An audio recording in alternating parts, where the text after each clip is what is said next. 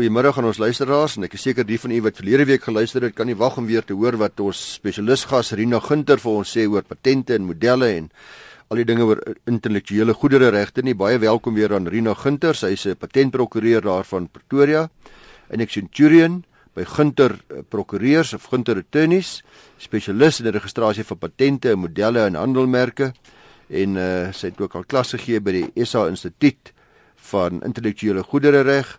En sy was ook al uh, eh, 2013 in November het Gunter Prokureurs Internasionale ACQ Law Awards toekenning gekry vir die beste IP regsfirma in Suid-Afrika. So baie geluk ook daarmee Rina en baie welkom. Baie dankie Ignas, heerlik om hier te wees. Ons het laas uh, jy vir ons vertel wat is 'n patent en hoe verskil dit van ander ander vorms van intellektuele goedere reg. Ons het bietjie gesels oor die vereistes vir patenteerbaarheid watter goedere nie gepatenteer kan word nie, wie kan aansoek doen vir 'n patent, hoe gaan jy te werk, wat is die stappe wat jy moet volg om 'n patent te kry, ag en alles en nog wat oor patente en ons het gesê mens kan dit nie maklik omseil nie. Ons het ook gepraat oor die kostes daaraan verbonde en die leeftyd daarvan en dat hoe mense 'n patentprokureur moet kies en hoe mense patente in Suid-Afrika kan afdwing. Ek dink net omdat sekere luisteraars dalk verlede week nie ingeskakel was en net vinnig vir ons uh, Rina wat is intellektuele goedere en wat is die verskillende forme daarvan? Ek nou intellektuele goedere reg is aller uh, goedere wat deur die intellek geskep word. Sekere intellektuele goedere word deur wetgewing gereguleer en sekere ko kom deur die gemeene reg tot stand. Wetgewing reguleer onder andere goed soos patentereg, modelle, handelsmerke, outeursreg, plantelersregte en dan kyk die gemeene reg ook na die beskerming van know-how, ehm um, onregmatige mededinging, aanklamping wat ons noem wat passing off is en die die handel dryf met vervalste items wat ons wat maar val onder die anti anti counterfeiting uh wetgewing. So dit is dis soort van enige produk van die intellek sorteer as intellektuele goedere eiendom. Ehm um, in kort die verskil tussen patente, modelle, handelsmerke en outeursreg is dat patente kyk na die konsepsionele beskerming van van uitvindings. Dit kan enigiets wees van prosestegnologie of chemiese formulasies, nuwe apparate en so aan, maar dit die patentwet en die patentspesifikasies kyk nie na is beperke applikant nie spesifiek tot 'n beliggaaming van 'n uitvinding nie, maar wel kyk na die breë konsep van die beskerming. Modelle reg aan die ander kant kyk juis na die spesifieke beliggaaming van 'n artikel. Met ander woorde, goed wat al teg, teg, die tegniek agter dit is dalk nie meer nuut nie of dit is nie patenteerbaar nie, maar die beliggaaming het wel 'n visuele impak. En hier kyk die wet spesifiek na vorm, patroon, konfigurasie of ornamentasie van 'n artikel. Handelsmerke kyk na name, logos, prentjies en het ten doel om kompeterende goedere in die mark te onderskei van mekaar en dan outeursreg kyk na um, oorspronklike werke, veral wat nie deur die ander wetgewing gereguleer word nie. En dit sluit in letterkundige, musiekwerke, rekenaarprogramme, tekeninge en onder andere ook ingenieurstekeninge ehm um, wat nogal baie keer 'n kontensieuse issue is as ouens tekeninge steel en gebruik vir tenders en so aan, dan sal die outeursreg daai tipe van aksies uh strem. Die afdwinging van my patent en uh, moet ek hof toe gaan as iemand inbreuk daarop maak? Ja, ongelukkig in Suid-Afrika, wel enige plek in die wêreld is is daar nie eksterne polisieering van patentregte nie. Um, 'n applikant is aan die einde van 'n dag verplig om sy regte te gaan afdwing en dit is Hooggeregshof litigasie. Alle intellektuele goedere reg is outomaties Hooggeregshof litigasie en kan nie in die laer howe hanteer word nie. Wat belangrik is om net in gedagte te hou. Um, ons het verlede week gepraat oor die twee fase proses van registrasie. Ou begin met 'n voorlopige en dan jy 12 maande om jou aansoek te voltooi. Wanneer 'n aansoek voltooi word, dan is 'n applikant se regte terugwerkend beskermbaar vanaf die voorlopige. Wat hierdie tipe van prioriteitsreg behels, is dat 'n applikant terugwerkend inbreukmaking van sy uitvinding kan stop, maar hy kan nie terugwerkend skade verhaal nie. En dit moet mens baie mooi in gedagte hou. So met ander woorde, as jy voorlopige aansoek indien, jy begin jou uitvinding bekend maak en iemand besluit hulle vervaardig hierdie goed op groot skaal in China en hulle kom damp dit hier op Durban se hawe en jy kom by voltooiing, dan kan jy wel terugwerkend stop en sê nie meer nie, dis nou klaar, maar jy kan nie terugwerkend skade verhaal vir die kommersiële verlies wat jy gely het in daai 12 maande periode nie. So 'n applikant moet sy kommersiële aktiwiteit mooi bestuur terwyl hy effens weerloos is. Maar dan, wanneer jy nou voltooi, dan kan jy nou jou regte afdwing. Na voltooiing is daar 9 maande moratorium volgens die patentwet waar tydens mens nog nie mag litigeer nie ten einde 'n inbreukmaker, potensiële inbreukmaker daarom net kans te gee om te weet hy's nou of verkeerde terrein hom nou stop.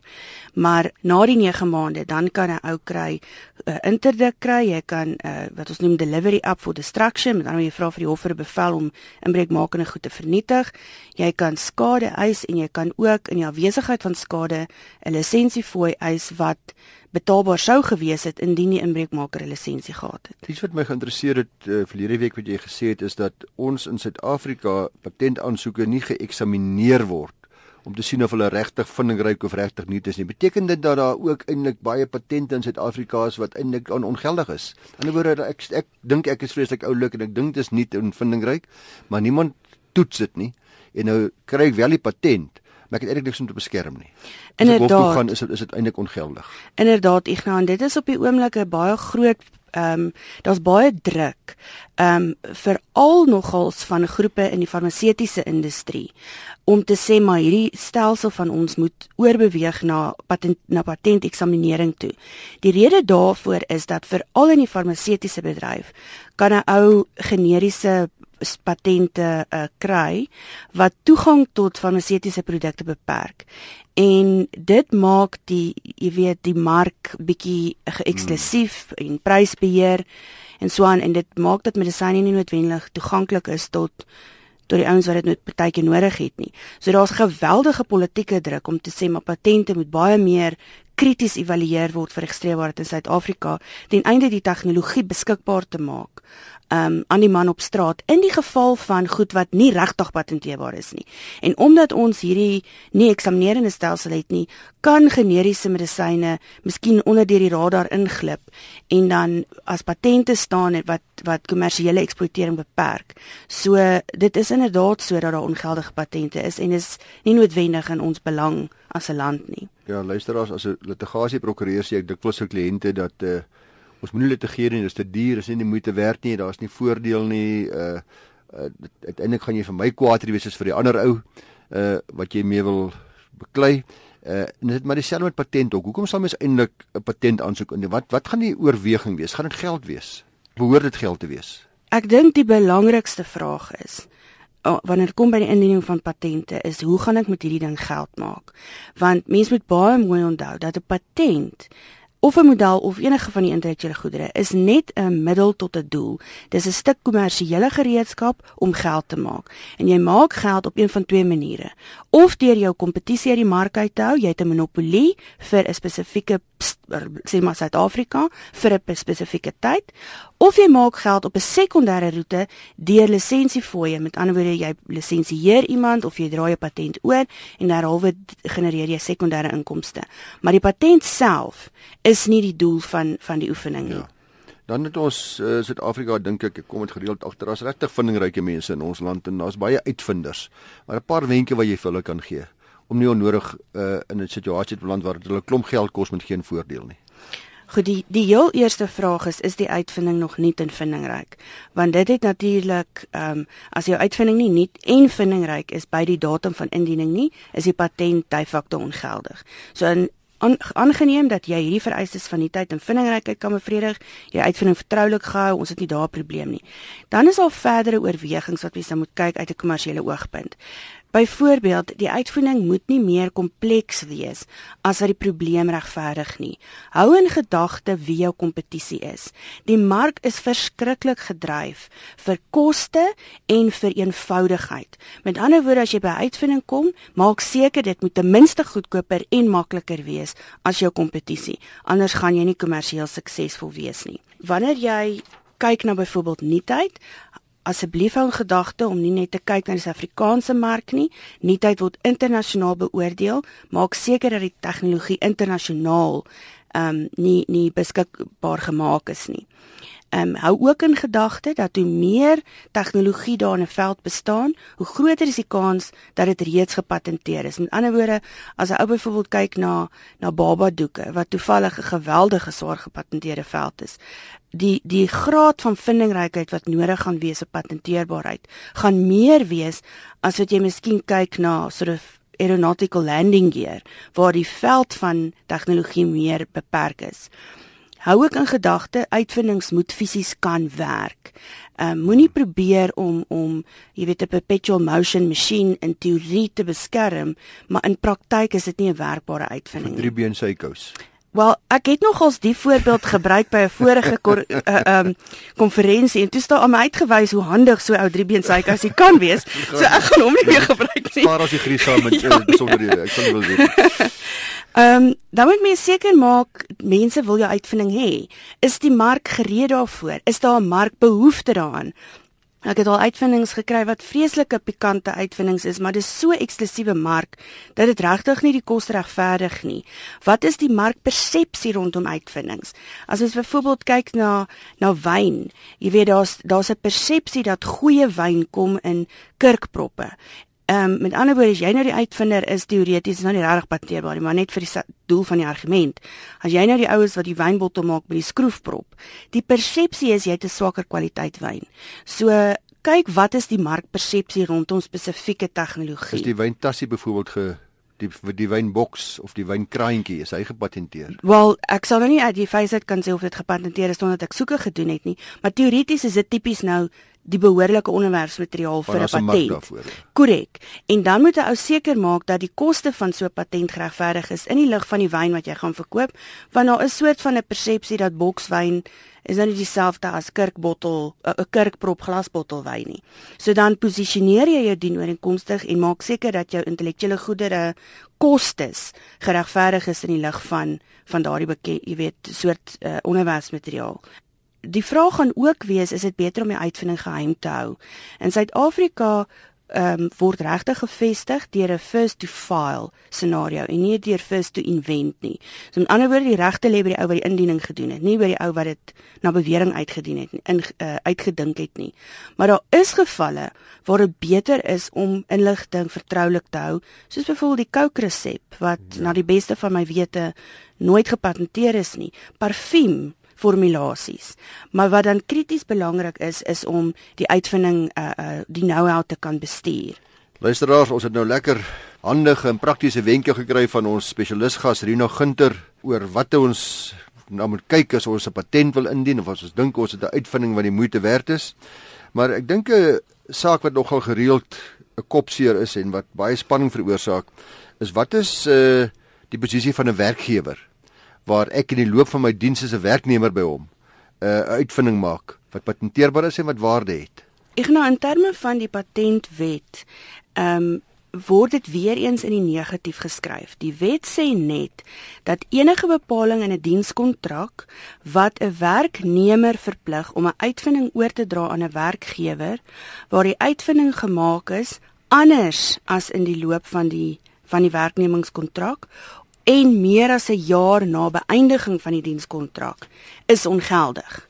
Wat die wet nie sê nie, is wat gebeur in die jaarperiode tussen wanneer die dienskontrak beëindig word en jy weet 'n jaar na dit of wat gebeur dan nou terwyl jy in diens is. En dit gaan bepaal word deur 'n werknemerskontrak, sê die kontrak iets spesifiek oor intellektuele eiendom en dit gaan gebalanseer word deur uh, waarskynlik aspekte soos die grondwet wat intrinsieke reg om inkomste te genereer met die produk van jou intellek beskerm. So dit gaan 'n balans wees tussen die regte van 'n werknemer, 'n werkgewer en die regte van 'n werknemer aspekte wat die hof na kyk is watter spesifieke belange is daar? Het die werkgewer regtig spesifieke belange om hierdie spesifieke stuk intellektuele eiendom uh, vertroulik te hou? Gaan die werkgewer daadwerklike skade skade ly maar 'n blindelingse werkgewerskontrak wat eenvoudig sê dat almal vanaf die T-Teagle tot die ingenieur op die aanleg alle IP wat hulle ooit in 'n lewe doen behoort aan die werkgewer is waarskynlik grondwetlik ongeldig. die gevaar wat ek myself nou slim hou en uit die heup uitskiet met iets wat ek nie veel van weet nie, stem jy saam Rina dat die feit dat die wet duidelik sê dat hy die uitsondering maak waar die uitvinding gemaak is anders is in die loop, die koers en scope van 'n mens se diensbestek. 'n Duidelike aanduiding is dat normaalweg dit wat ek doen binne die loop my diensbestek aan my werkgewer behoort. Normaalweg, maar dit gaan ook afhang van waarvoor is 'n mens aangestel. Ja, verstaan. Want as jy byvoorbeeld aangestel is in 'n ingenieursfirma en jy is 'n ingenieur, dan gaan jy half sukkel om te argumenteer dat jou uitvinding nie nie aan die werkgewer behoort nie. Ja. Maar as jy aangestel is op 'n aanleg, maar jy's die teedame en jy kom toevallig met 'n briljante idee van hoe 'n nuwe proses verbeter kan word, hmm. dan is dit nie noodwendig dat dit die uitvinder uh, die werknemer se uitvinding ja, is. Ek dink die tee dame wie se voete later seer is uh, omdat sy die hele dag trappe klim en dat dan ontwerp sy krokskoene. Exactly. Gaan waarskynlik nie aan die werkgewer behoort nie. Korrek, korrek. Net interessantheid sal voor ons oorgaan na industriële modelle toe. Die gee vir my 'n paar voorbeelde van wat jou beïndruk het as bekende Suid-Afrikaanse uitvindings. Wat vir jou nou regtig nuut en vindingryk was en wat jy gedink het, "Wow, dis om ons Suid-Afrikaners is oulik." Jong, die die een groot ding is natuurlik die CAT scan. Ehm um, dis al in die 1979 ontwikkel deur die Suid-Afrikaners Ellen Cormack en Godfrey Hounsfield. En hulle het ook die Nobelprys vir wetenskap en tegnologie gekry vir die CAT scan. Ehm um, natuurlik Sasol is die wêreld se grootste olie raffinaderry wat olie uit steenkool maak. Ehm um, die Creepy Crawley is ontwikkel in Suid-Afrika in 74. Pratley Patty is ontwikkel deur 'n ingenieur in Kreersdorp by die naam van George Pratley. Ehm um, Myprodol medisyne is ontwikkel in Suid-Afrika. Hierdie palmboom selfoonmaste ehm um, wat wat hulle gebruik om om ehm um, selfoontorings te verbloem. Dis 'n Suid-Afrikaanse uitvinding. Die dolosse, hierdie betonblokke wat mense op die kus kry, ehm um, wat keer dat die kuslyn geërodeer word is is ook Suid-Afrikaanse uitvinding. Jy is al verbaas wees deur die vindingrykheid van Suid-Afrikaners en ek lees net gister 'n uh, artikel van hoe Suid-Afrika op die voorgrond is van microdot technology wat hulle gebruik om engines en dele van 'n kar met microdots uh, te identifiseer vir vir misdaadbekamping. So ja, daar's darem 'n voordeel aan die misdaad in ons land. is die vindingrykheid wat mense aan die dag lê om dit te oorbrug en ons actually op die voorgrond is van dit. Jy het my vertel van die buitelandse uitvinding met die interessante storie oor die ontstaan van post-its. Ja, hierdie post-its. Net eers verduidelik wat dit is weer vir yes, luisteraars. Die die post-its is hierdie klein vlaggies wat 'n ou kry wat so aan die een kant so gomlaag het wat jy kan aftrek. So jy kry dit in geel en pink en alles die mees algemene kleure is gewoonlik geel. En die storie wat ek rondom dit gehoor het is dat dit was eintlik 'n koorsanger. En hy het um vreeslik gesukkel om in sy koorstukke plek te hou van die volgende stuk wat hulle moet sing. En sy vriend het in 'n gomfabriek gewerk en hulle het 'n 'n 'n flop gemaak met 'n gom uh uh formulasie. En hy het toe begin om hierdie gom wat kan lostrek agterop sy papiere te verf en dan dit afdaal en so sy plek hou en dit is op die einde toe post-its ontstaan het. En waarskynlik multimiljonêers geword het. Waarskynlik. Ja. Industriële modelle. Wat is dit? Hoe verskil dit van 'n patent? Ons het nou lank oor patente, net weer daai verskilletjie vir my deurtrek asseblief. Industriële modelle kyk na 'n spesifieke spesifieke beliggaaming van 'n artikel en definieer en kyk net na een of 'n kombinasie van vier goed, naamlik die vorm, patroon, konfigurasie of ornamentasie van 'n artikel. Patente kyk na konsepte, hoe werk goed en in 'n patentspesifikasie kan daar 10 beliggaamings wees en hulle almal val onder 'n breë konsep, maar in modelle gaan dit oor spesifieke beliggaaming. So jy gaan byvoorbeeld kyk na sê net maar Domestos bottel wat 'n spesifieke vorm en konfigurasie het, het ook 'n baie sterk um, wat ons noem eye appeal en dit is beskermbaar. So 'n bottel per se is nie nuut nie, maar hoe hy gekonfigureer is. Die ag my my gunsteling parfuum is is J'adore van Dior. Nou daai bottel se vorm wat soos 'n druppel is met 'n lang goue nek, Charlize Theron doen al hulle advertensies. Hy het vorm, patroon, konfigurasie en ornamentasie. En laat 'n laat 'n kompeterende parfuumhuis nou daai botteltjie kopieer en dan sien jy nou lekker hofsaake. My vrou is ook mal oor maar haar man kan dit glad nie bekostig nie. Hy sê nee, hy's nie patente prokureur nie. Ek moet ook wag dat my man oor see gaan dat hy dit op duty free kan koop. Ehm um, en dan kry mens natuurlik vo eh, voorbeelde van patroon is byvoorbeeld die Le Creuset potte. Hulle as jy daai deksel sien, weet jy dadelik dis 'n Le Creuset Crocs se se vorm konfigurasie en net op daai onderwerp en dit is te ek stem saam met subjektiewe opinie, maar dit hoef nie noodwendig esteties aangenaam te wees nie. Dit hoef nie 'n mooi ding te wees nie. Dit moet net visuele impak hê. Vals nou my kroks in. Om om om registreerbaar te wees as 'n model. Kry mens meer as een soort so industriële model? Ons wet onderskei en dis uniek in Suid-Afrika tussen estetiese en funksionele modelle. Estetiese modelle is modelle wat eienskappe het van vorm, patroon, konfigurasie of ornamentasie en waar sodanige eienskappe slegs deur die oog beoordeel word. Funksionele modelle is modelle van eiens met eienskappe van vorm, patroon, konfigurasie of ornamentasie, maar waar daai eienskappe krities noodsaaklik is vir die artikel om te kan werk. Ehm um, mens kyk byvoorbeeld as jy na ehm um, 'n cam, ek weet nie wat 'n cam in in in Afrikaans nie, maar hoe 'n cam gekonfigureer is of die die tande van ratte wat met mekaar saamwerk. Hulle moet spesifieke vorms en konfigurasie, anders kan hulle nie werk nie. Dit is nou tipies funksionele model, terwyl estetiese model is die goed wat met die oog beoordeel word. Jy nou as dit toe oor patente gesels het verlede week lees het ons 'n bietjie dit is heeltyd klem gelê jy op nuutheid en vindingrykheid. Dis dieselfde by modelle ook. Watter vereistes moet daar wees? 'n Model om registreerbaar te wees moet ook absoluut nuut wees. Dis 'n objektiewe toets. As dit voorheen bestaan het, is dit glad nie meer nuut nie en dan kan dit nie geregistreer word nie. Ehm um, daar is 'n uitsondering in die modellewet wat verskil van die patentwet, naamlik 'n applikant is geregtig om binne 6 maande nadat jy 'n uh, jou model vir die eerste keer aan die publiek bekend gemaak het, kan jy nog steeds 'n model aansoek indien en dan loop jou beskerming vanaf die die datum van bekendmaking, ons noem dit die release date, of voorwaarde dat dit nie langer as 6 maande is nie. Dis baie riskant want 'n release date word nie erken vir oorseese indienings nie. So as jy van plan is om oorsee te gaan met jou model, moet asseblief nie dit bekend maak vir indiening nie. Dan voorts moet die model ook oorspronklik wees in die geval van estetiese modelle of nie algemeen nie, ons sê non-commonplace in die geval van funksionele modelle. Wat beteken dit? Uh, nie, dit word nie nie algemeen. nie algemeen. Dit word nie spesifiek gedefinieer in die wet nie. Regspraak het sover geïnterpreteer dat dat die oorspronklikheidsvereiste vir estetiese modelle ongeveer dieselfde is as die van outeursreg, naamlik dit moet net ge um 'n oorspronklike werk wees. Die die regspraak sê originated by an author. Met ander woorde, jy het nie dieselfde hoë vereiste van vindingrykheid wat mense in patente het nie. Non-commonplaceness insinieer dat dit waarskynlik 'n klein bietjie meer moet wees as net oorspronklik, maar ons het nie duidelike riglyne op hierdie stadium van wat presies die vereiste van non-commonplaceness vir funksionele modelle um behels nie. Ek wil ook net noem dat vir modelregistrasie moet die artikel vermenigvuldig word deur 'n industriële proses. So as jy byvoorbeeld vermenigvuldig kan word. 'n vermenigvuldig kan word. Ja. Nou industriële proses sluit nie noodwendig jou soort van home industrie in waar jy 20 dames het wat wat byvoorbeeld stik nie, nê. Dit is ook 'n soort industriële hmm. proses. Dit hoef nie noodwendig gemaskineer te wees nie, maar as jy byvoorbeeld 'n fantastiese beeldhouwerk doen of jy maak handpoppe op 'n bestelbasis of wat ook al daai tipe van goed gaan nou waarskynlik nie deur die modelreg beskerm word nie. En dan kan mens ook dele van artikels beskerm op voorwaarde dat die artikel se komponent apart vervaardig word.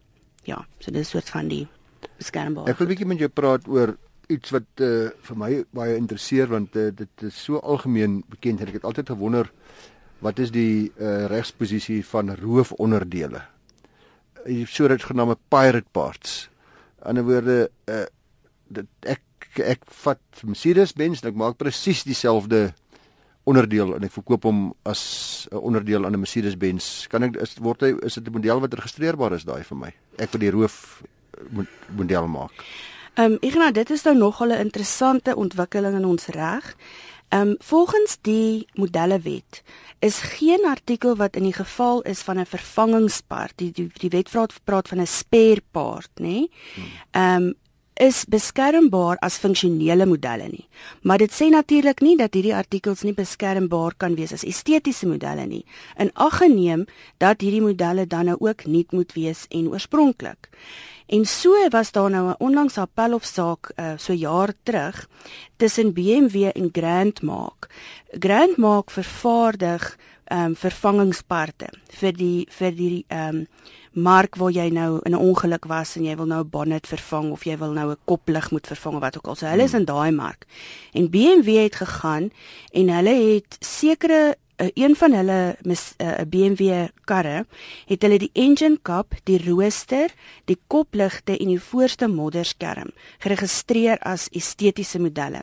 En Grandmark se argument was dat hierdie registrasie 'n misbruik is van die modelleregwet omdat die ontwerpe eintlik eksklusief funksioneel van aard is. Jy sal onthou funksionele modelle is mm. mos nou nie toe toelaatbaar vir vervangingsparte nie en dat dit derhalwe nie behoort registreerbaar te wees nie.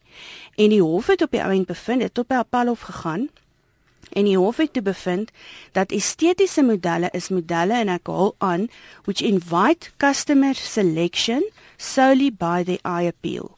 Met ander woorde, 'n estetiese model is tipies een wat 'n verbruiker sal oortuig om 'n produk te koop op grond van hoe dit lyk. Maar wanneer dit by hierdie soort vervangingsparte kom, kies 'n verbruiker die vervangingspart nie op grond van hoe dit lyk nie, maar op grond van die voertuig se ontwerp. Met ander woorde, hulle wil stel nie belang of dit 'n mooi 'n uh, 'n uh, rooster is nie. Hulle wil 'n rooster hê om die voertuig te herstel na sy oorspronklike konfigurasie. En die hof het dus bevind dat hierdie tipe parte nie meer as estetiese modelle geregistreerbaar is nie.